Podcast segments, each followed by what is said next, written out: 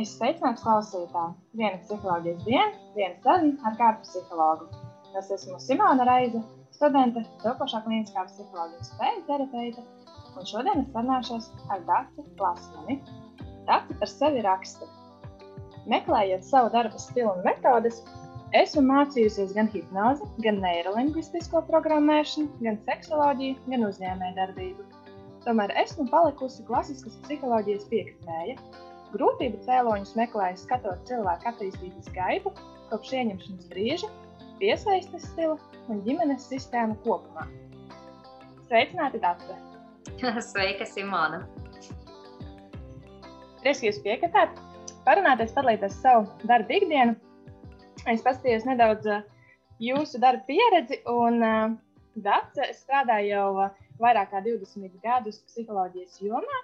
Jūs darbojaties arī Bāļu tiesas komisijā vairāk kā 15 gadus, strādājot arī me, pedagoģiski medicīniskajā komisijā. Šobrīd arī paralēli apgūstat teraspēli. Mhm. Un, nu, jāsaka, ka teraspēli jau es esmu divus līmeņus izgājusi, apgūsi.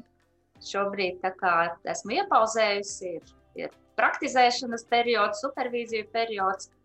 Un, nu, paralēli arī esmu uzsākusi mācības par um, um, kognitīvi behaviorālajā terapijā par bērnu un pusauģu psihoterapeitu. Mm -hmm. Tā kā nu, psihologam jau visu laiku ir jābūt atvērtam mācību procesam. Jā, es vēlos sarunu sākt ar to, kā vispār ir aizsākās jūsu psiholo psihologa dzīve. Uh, atcauciet atmiņā pašus pirmos soļus, kurus jūs esat veikusi, kuri bija saistīti ar psiholoģijas jomu, un kā tie jūs nonāca pie tā, ka jūs kļuvāt par psihologu? Mm. Nu, jāatzīstās, ka mana profesijas izvēle nebija tik apzināta, varbūt, jo, ja mēs ņemam, nu, psiholoģija Latvijā ienāca nu, 90. gados, 89. un 90. sāka parādīties pirmie psihologi Latvijā, un es uzsāku studijas 94. gadā. Tas nu, nozīmē, ka mans priekšstats par psihologa profesiju bija vairāk no video filmām, ka tur ir smukās psiholoģijas, kas iet pie nabaga nevainīgajiem cietumniekiem un palīdz viņus kaut kādā veidā glābt, vai, vai nu kaut kādi ar, ar pilnīgi trakiem maniakiem strādā psihologi. Nu, tāds romantizēts un ļoti tāls no realitātes priekšstats man bija par Jā. psihologu profesiju. Jo Nu, tajos laikos arī nebija tā, kā šobrīd, ka katrā skolā ir psihologs, vai ka tu privāti vari brīvi izvēlēties no daudziem psihologiem kādu. Tā kā nu, tas sākums bija tāds ļoti, ļoti stereotipos balstīts, un varbūt vairāk tādā arī vēlmē risināt savas psiholoģiskās problēmas, ne tik daudz tiešām, ka, ka izprot, kas tas ir. Mm -hmm. Bet, um, nu, pamazām, un pateicoties ļoti labiem augstskolas pasniedzējiem, kas bija tiešām iedvesmojoši un, un, un, un, un nu, prata parādīt visu to psiholoģijas daudzpusīgumu. Un arī nu, tas, ka tajos nesakārtotajos 90. gados bija iespēja sākt strādāt kā psihologam jau ļoti agri. Un es sāku strādāt gan kā psiholoģijas skolotāja, gan biju par saviem audzēkņiem divus gadus apmēram vecāka par vidusskolēniem. Tas viss deva tādu, nu, tādu labu iespēju meklēt, skatīties, domāt, kāds es būšu, kas es būšu, kā es strādāšu. Nu, šis process turpinās. Joprojām meklēju, kāds psihologs es būšu, kāds virziens ņems pārsvaru manā praksē. Tā kā tāds nebeidzams process ir mācīšanās un kļūšana par psihologu. Jā, savu lielāko darba pieredzi jūs gūstat tieši skolu psihologs, kā, kā skolu psihologs, un šobrīd arī būtībā strādājat kā skolu psihologs. Kā jūs nonācāt tieši pie šīs izvēles strādāt uh, skolā? Nu, jāsaka, ka tajā 95. un 96. gadā stipri citas izvēles nebija. Jo Es mācījos Rezeknes augstskolā, un, un, un tā specialitāte, kas, kā mums jau bija nosaukta, šī kvalifikācija bija skolu psihologu asistents. Mm -hmm. ja, tā kā nu, to, to brīdi tajā, šajā augstskolā nu, nerunāju par klīnisko psihologu vai, vai par kaut kādu. Nu, katrā augstskolā jau bija savi tie, ne, nebija šīs sešas jomas vēl nu, skaidri nodefinētas, kā tas ir šobrīd. Jā. Nu, tāpēc, laikam, likumsakarīgi arī, ka tie pirmsākumi bija un praktizēšana bija skolās, skolu psiholoģijā. Un, nu, es saprotu, ka ka esmu gan pēc temperamenta piemērota šai vidē, gan nu jau arī tā praktiskā pieredze ir, ir, ir ap skolu, skolā un viss, kas saistīts ar mācīšanos un bērniem. Kas šajā darba ikdienā jūs aizrauja? Nu, man aizrauja tas, ka, ka, ka tā ļoti dinamiska. Jo nu, skolā strādājot, tu ne, nekad nevari paredzēt, kas notiks šodien.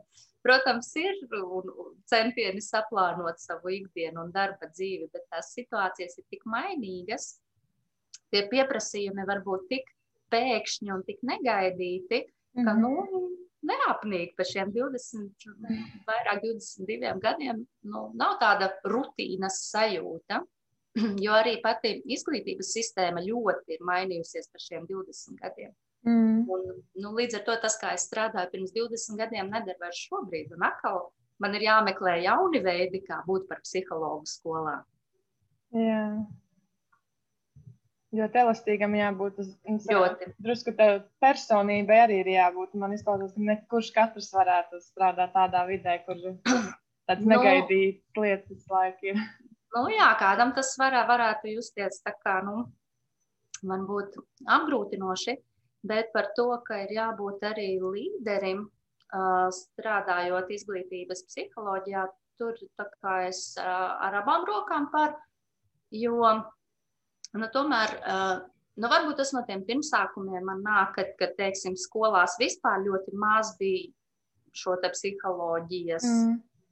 ideju un ierosmju, ka bija, nu, pedagoģija, protams, arī tur nav atraujama, bet, nu, psihologs bija visu mūžu bijis tās tā kā vidutājs starp skolēnu, starp vecāku, starp skolotāju, meklējot tos labākos risinājumus bērnam tieši.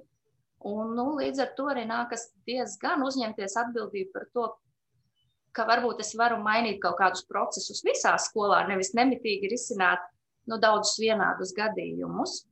Mm. Tā, nu, jā, ir jānāk ar savām idejām, jānāk ar savu redzējumu un jāskatās, kā mēs varam ietekmēt visus tos procesus kopumā. Kādi jums, kad jūs strādājat ikdienā skolā, ir pienākumi? Viens tas, ka, protams, kad uh, ir, ir pasūtījumi uh, uzzināt par bērniem, var tās kaut ko vai izvērtēt bērnus. Es ļoti stereotipiski tagad, bet jūs varat pastāstīt plašāk, ko tieši jūs kā skolas psihologs darat skolā, kas vēl ir kādi vēl uh, darbiņi, kurus jūs darat bez bērnu izvērtēšanas. Nu, es teiktu, ka bērnu izvērtēšana tas ir tikai viens no maziem šauriem instrumentiņiem, kas, kas palīdz mums varbūt risināt to kopīgo mērķi. Jo tas globālais mērķis jau ir, lai, lai visi bērni skolā jūtas labi un lai visi bērni skolā var būt nu, efektīvi vai produktīvi. Ja, jo, kā mēs zinām, kā, nu, skolas ir galvenais mērķis ir veidot personību un, un tā, sniegt zināšanas, Jā. Bet uh, nevienam neinteresēs matemātika vai latviešu valoda, ja viņam ir pilna galva ar visādām emocijām, neatrisinātām situācijām, to, kas notika starpbrīdī, to, kā klases biedri uz mani skatās, vai kā viņi neskatās uz mani, vai kas man mājās notiek, kāda matemātika. Ja? Mm. Un, un tāpēc tas uh, psihologa uzdevums ir nu, skatīties, kādā veidā mēs varam harmonizēt šo skolas vidi, lai, lai bērnam ir iespēja tikt galā ar savām emocijām un, un daudzajām, daudzajām domām, lai tomēr arī pa starpu dzīvošanai viņš var pievērsties matemātikai, fizikai un, un citām lietām. Mm -hmm, jā. Kas nu, ir tas? Jā. Nu jā, un tad tur nāk tie instrumenti, vai tu izmantosi konsultēšanu, vai terapeitiskas metodas, vai meditāciju, relaksāciju, vai, vai vai ir vajadzīga diagnostika, lai saprastu, kur, kurā vietā tiešām uztveres jautājumu ziņā tas bērns nevar pieslēgties tiem mācību procesiem ļoti dažādi. nu, plašs mm -hmm. spektrs, kur izvērsties psihologam. Ir. Jā, man viens kolēģis arī strādā skolā, un viņš stāstīja, ka, ka viņam ir tie pieprasījumi tik daudz, ka viņš vienkārši nespēja tos, viņš nespēja izpildīt.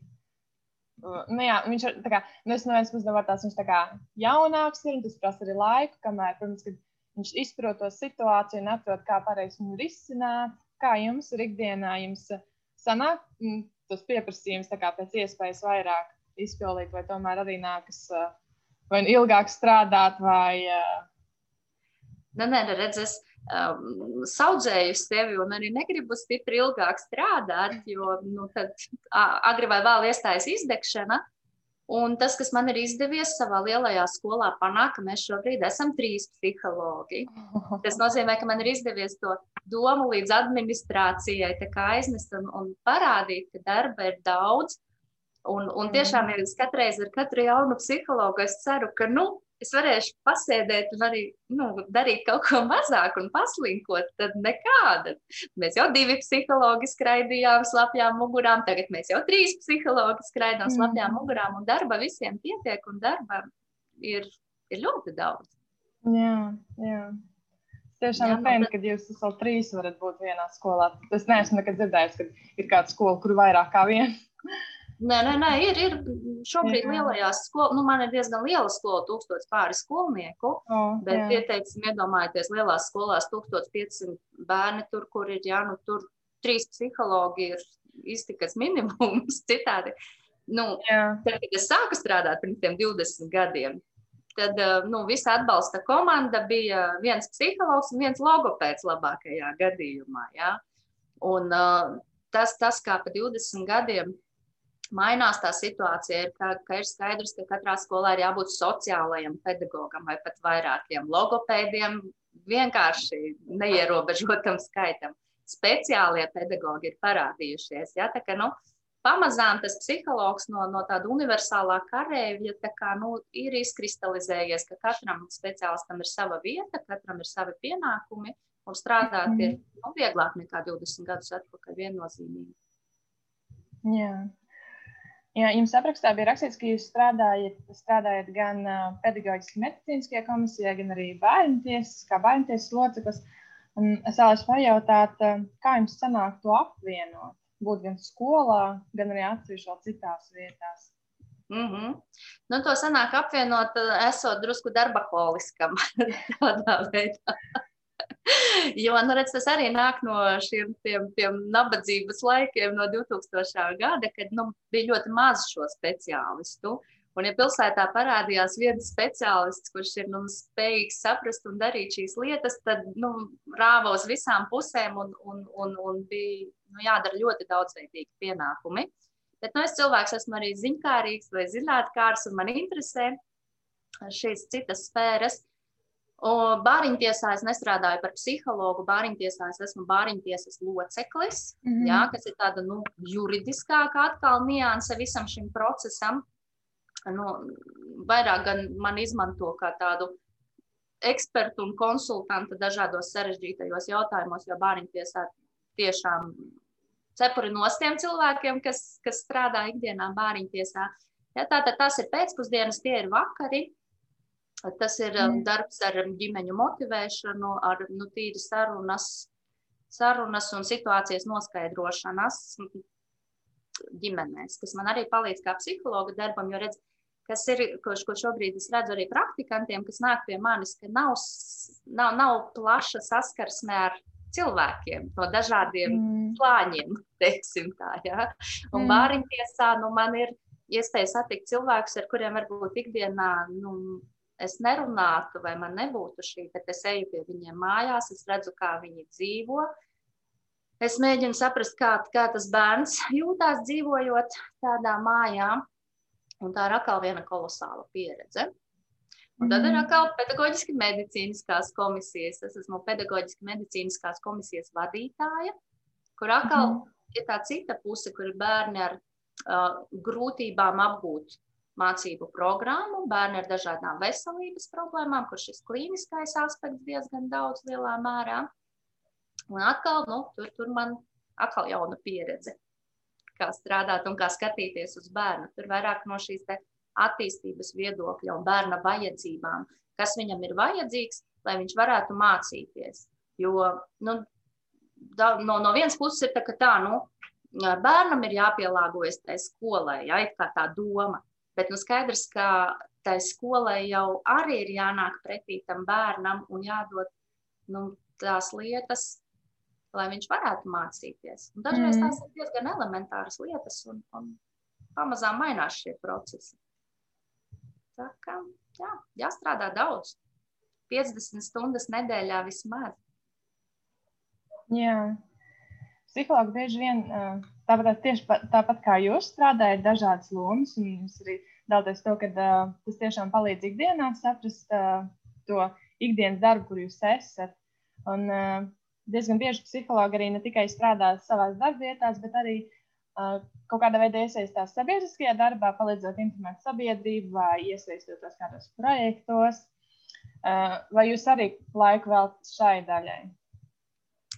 Uh, nu, jāsaka, laikam ne ļoti daudz, jo es strādāju ļoti daudz. Jā, tad, tāda ir vēl hobija un, un mani vaļasprieki. Tur kaut kur arī ģimene tur tālumā jā. parādās. Jā. Tā, tāda nu, tīri psiholoģijas jomā man ir nu, daži tādi sirds projekti, kurus iesaistos un darbojos, kas var, vairāk saistīti ar um, manu reliģisko pārliecību, bet mm. um, nu, tādā psiholoģijas jomā tur, tur, tur šis profesionālais lauciņš jau pilnībā man pietiek. Jau ir piepildīts ar visu, ko. Jūtos, jā, ka profesionālā dzīve man kūsā. Jā. Kas ir tas, ko jūs vēlētos, lai citi zina par, eh, par jūsu profesiju kā skolu psihologs? Nu, man ir meita, un dažreiz mēs runājam ar viņu, nu, par ko viņa gribētu kļūt. Un viņi saka par psihologu, na, tas ir neinteresanti, tas ir garlaicīgi. Tur visu laiku kaut kas jāklausās, kādas muļķības citi runā, un papīri daudz jāraksta. Jā. tad, tad nu, tas tāds, nu, gribētos jau, protams, nu, rādīt un celt visu laiku šo profesiju, ka tā ir ārkārtīgi aizraujoša profesija un, un, un ka tā ir ārkārtīgi noderīga profesija un ka tiešām nu, psihologs ir tas speciālists, kas var palīdzēt un rosināt daudzus procesus. Tā kā, nu, gribas to profesijas vērtību celt. Jā. Tagad bija pēdējo pusgadu, nu, jāsnāk pusgads jau. Mums ir uh, īpaši ierobežojumi, ir Covid laiks. Kā jūs vadījāt šo laiku? Nu, mēs izmantojam attālinātas konsultēšanas, protams, nu, nekāda diagnostika vai izpēte nevar notikt attālināti. Tad ir tikai konsultēšanas process.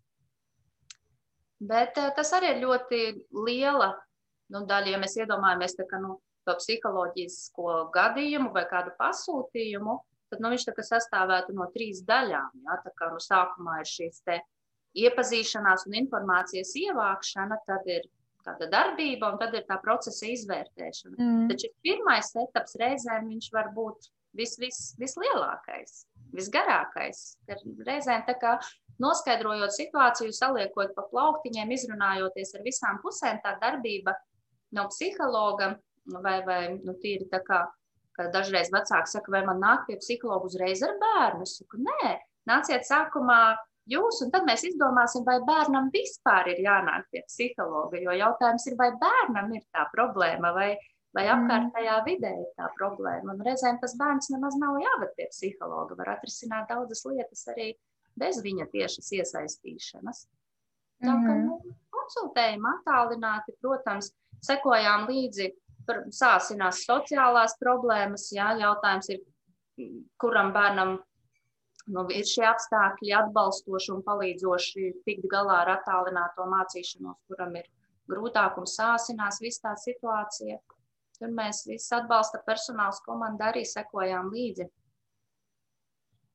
Jūs arī kaut kādā veidā iesaistieties, ja, piemēram, ģimenei vai bērnam bija grūti mm, mācīties, ja sekot līdzi mācību procesam? Protams, ja skolotāji nu, signalizē vai, vai jau nu, ir, ir redzams ka pēc tiem vērtējumiem, ka kāds bērns krīt ārā no procesa, tad uh, seko saruna ar vecākiem, kā viņi, kā viņi organizē šo procesu, kā viņi jūtās. Ļoti bieži ļoti garas sarunas ar um, vecmāmiņām un, un, un visiem šiem ģimenes locekļiem, kuri paši nu, jutās ļoti apjukuši šajā procesā, un, un viņi nevar sniegt bērnam atbalstu, ja viņš pats ir izsists no līdzsvara un, un apjucis, kā norientēties šajos procesos. Tā kā no šīs atbalsts psiholoģiskais ļoti ir vajadzīgs ģimenēm. Un arī bērniem, kas ir visu dienu, teiksim, mazie, visu dienu vieni paši mājās, tad viņiem patīk, ka pazvana kāds pieaugušais un apjautājas, kā viņiem iet un ko viņi dara, un tad viņi parāda, mm. kādas spēles viņi spēlē vai, vai, vai kādas, nu, ar ko nodarbojās. Ja, tā kā reizēm nu, tas nav varbūt tik smalki, psiholoģiski konsultējoši, ja, bet tas ir tāds arī atbalsts un, un intereses izrādīšana par to, kā tev iet rūpju izrādīšana.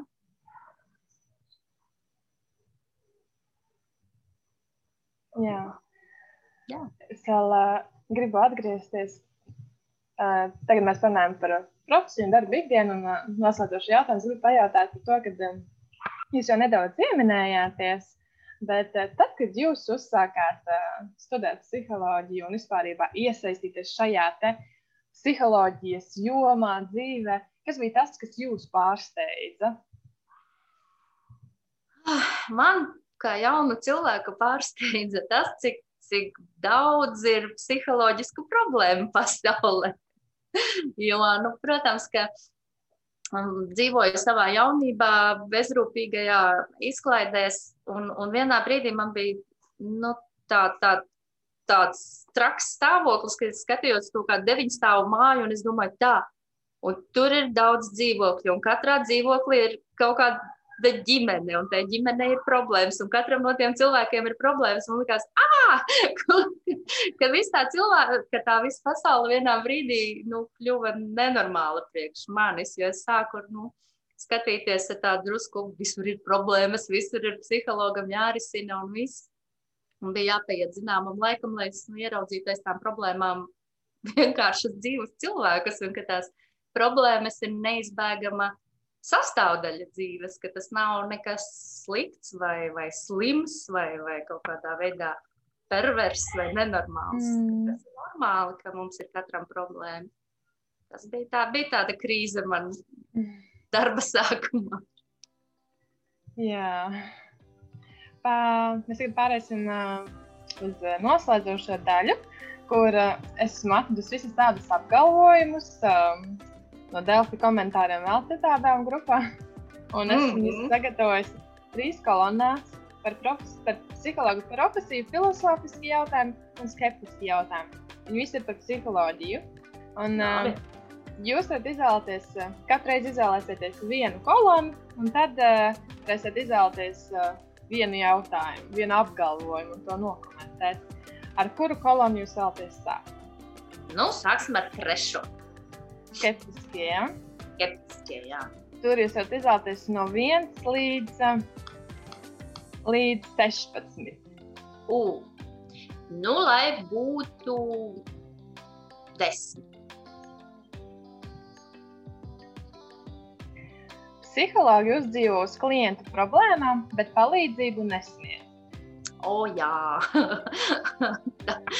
psihologi tikai domā un skatās, kā nopelnīt. Jā, tas, tas ir viens no tādiem stereotipiem, ka tā kā nu, cilvēkiem arī liekas, nu, kāda runāšana, kāda tur raudāšana pie psihologiem, ka ēst mums nav ko, vai nu, ka ir kaut kādas šīs reālas problēmas un viņas ir reāli jārisina, nevis jāparunājās kur kaut ko. Nu, tas tas um, nu, izriet no katra cilvēka šī pasaules uzskata, cik daudz vispār viņš ir uzskata, ka just emocijas ir normāli. Mm. Vai vienkārši mēs tā kā nu, neko nejūtam un ejam uz priekšu, un mums ir mērķis, un vienalga, ko tu jūti, tev ir jāiet uz priekšu. Nu, tas, tas ir tas stāsts par to, kas mums arī jānes ir sabiedrībā, ka mēs esam dzīvi cilvēki, mēs jūtam, Un, ja mēs nepievēršam emocijām atbilstošu vērību, tad, diemžēl, nu, kādā brīdī cieš mūsu veselība. Kas ļoti bieži arī no šiem cilvēkiem, kas noliedz un kas grib reālu risinājumu, nevis tā kā, ka es tur iešu, runāšu, raudāšu, psihologs tikai noklausīsies un paņems manu naudu. Kā, jā, nu, ka, ka tas ir jāskaidro par to, kā tas psiholoģiskais, kā, kā tas strādā vispār, kā tas notiek. Un, un to mēs jau skolā ļoti daudz man nākas runāt, nu, un stāstīt bērniem, nu, kā tas ir būt par psihologu, nu, kā psihologs var man palīdzēt, nu, kā tas ir. Un tad mēs mm -hmm. tur nu, mēģinām ar dažādām līdzībām, un, un ņemam puķītes un stāstam, ka Tad, tā kā ja mēs ieliekam sēkliņu uz zemē, un to es iedomājos kā sēkliņa, un tu nonāc tumšā, svešā vietā. Un tu vari justies tā, kā, ka tu esi aprakts, ka tu esi pilnībā pazudis. Kā tas psihologs var tev palīdzēt? Atkal, ja?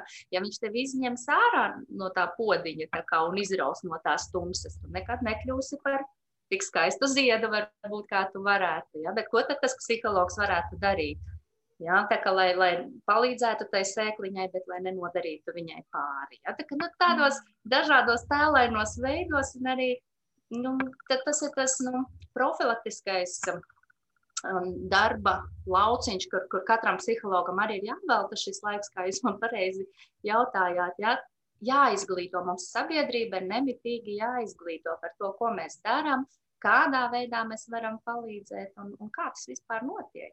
Un, un par ko tad mēs to naudu saņemam? Ja? Ka tas nav tā, ka mm. mēs tikai paklausīsimies. Jā. Tas ir nu, tāds smags uzdevums. Nu, liels, nesmags, teiksim, tā drīzāk. Labi. Nākošā, no kuras kolonas jūs vēlaties komentēt? Nu, lai ir otrā kolona, kas mums tur. Filosofiskie. Tur ir no 1 līdz 9. Nu, lai būtu 3.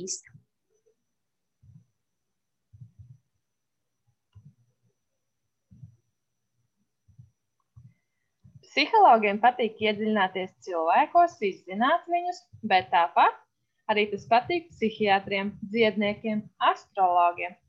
Kādēļ cilvēks, kurš ir izvēlējies psiholoģiju, izvēlas tieši psiholoģiju, nevis kādu no līdzīgajām jomām?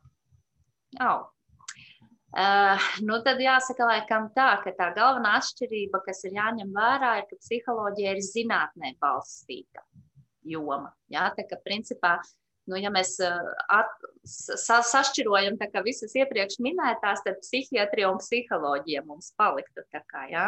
ja mēs esam cilvēki, kas, kas, kuriem ir svarīgi, lai tās metodes būtu zinātniski pārbaudītas, lai, lai tie nebūtu eksperimenti, kur īsti nav skaidrs, kā tas darbojas, kas ar mani notiks, tad, tad zinātnē balstīti mums paliek psihiatrija un psiholoģija.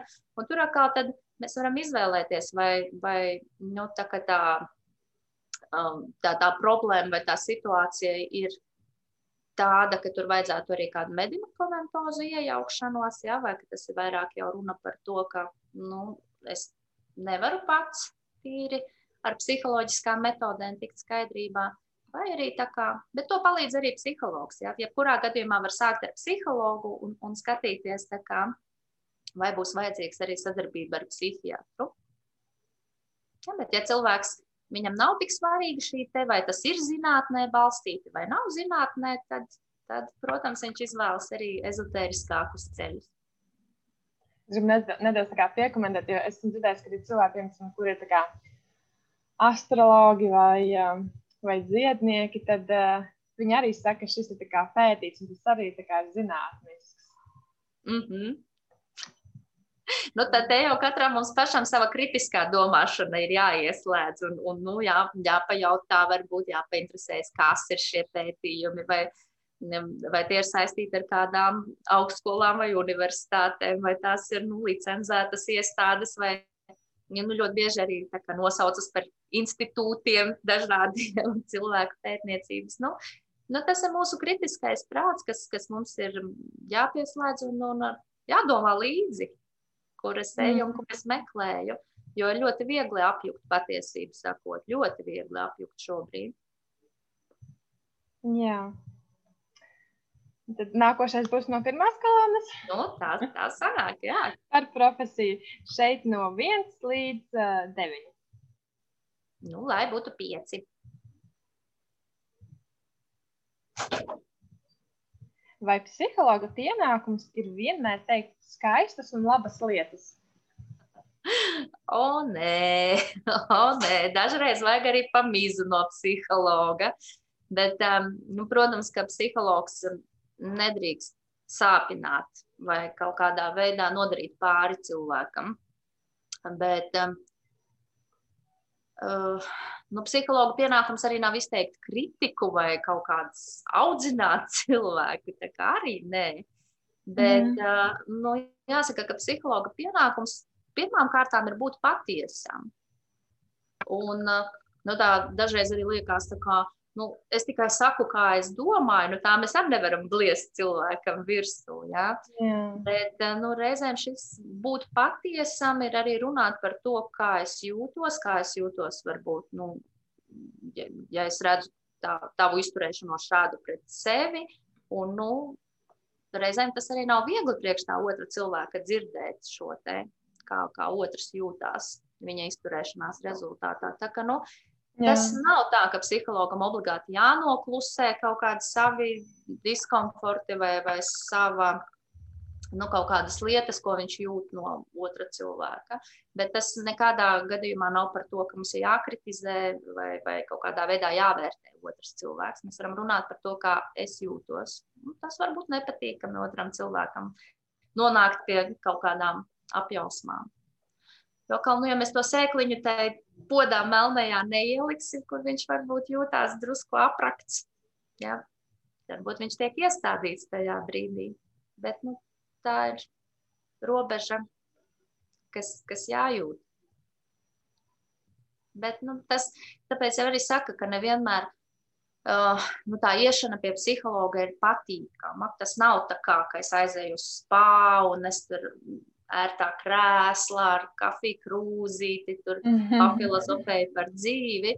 Nu, Jā. patiesībā sakot, es uzskatu, ka nekādas kafijas un tējas krūzītes vispār ir ļoti reti psihologa kabinetā. Jo, ja tu intensīvi strādā un intensīvi darbojies ar sevi, tev nav laika iedzert kafiju. Kā, protams, ja ir mērķi kaut kādi vairāk relaksējoši vai vai jau tādu uz izvērtēšanas um, procesa beigām, varbūt var atļauties kaut ko, bet ja tu gribi tiešām intensīvi strādāt par visu savu naudu, ko tu samaksā psihologam, tad lūdzu arī ir jāstrādā. Un tas nav, nav, nav tik patīkami reizēm skatīties savām ēnas pusēm acīs, tā teikt. Mm -hmm. Super. Un uh, manas sarunas uh, noslēdzošais jautājums ir, um, vai psihologam ir viegli būt? Nē, nē, es varu piekrist savai, savai meitai, ka psihologa profesija nav tā vieglākā profesija. Jo uh, viens no lielākajiem stresa faktoriem vispār cilvēkiem ir neziņa. Un psihologa profesijā šī neskaidrība, šī neziņa šī nu, tāda situācijas nenoteiktība uh, ir ļoti klātesoša, ir ļoti daudz. Mēs um, nevienmēr zinām, kādu iespaidu mēs atstājam uz otru, vai, vai ir efektīvi tas, ko mēs darām. Ja? Šī, šo atgriezenisko saikni vienmēr mēs varam iegūt. Vai, vai ir, ir jābūt ļoti atvērtam, ļoti radošam. Ja situācija, nu, neviens klients nav tā kā iepriekšējais. Nav tādu schēmu skaidru, ko man ot, atnāks man cilvēks ar fobiju, jo es darīšu to, to, to, vai atnāks man cilvēks, kas negrib mācīties, es darīšu to, to, to. Nekad mm. tas nestrādā. Nav tādu schēmu, ja? vai, vai kaut kādu, nu, kur es iziešu cauri. Ir tikai aptuvenas vadlīnijas, un tev visu laiku pašam ir jāmeklē. Pašam ir jādomā, ar kādu metodi. Varbūt nemaz tādas metodes nav, ir pašam jāmeklē Krievijā, ko dara, ko Amerikā dara, kā viņi risina šādas situācijas. Ir visu laiku jāmeklē, jādomā. Mm -hmm. Tas ir jaunradas process. Jā, tā kā lai izdodas. Es ceru, ka es ne, neaizbiedēšu jaunos psihologus no šīs profesijas. Nāciet skolās, strādājiet. Tā ir fantastiska pieredze. Te ir gan klīniskā psiholoģija, gan visas iespējamās. Nu, militārās varbūt jomas nav tik daudz, lai gan disciplīnas procesus varbūt arī var pētīt. Tā kā skolā visiem ir ko darīt, un, un katrs vietu var atrast sev savām izpausmēm. Jā. Lielas paldies, Dārts, par sarunu. Ir tiešām interesanti paklausīties, kā jums sokas ikdienā. Jā, lai, lai veicās, lai jums jauka diena, Simona.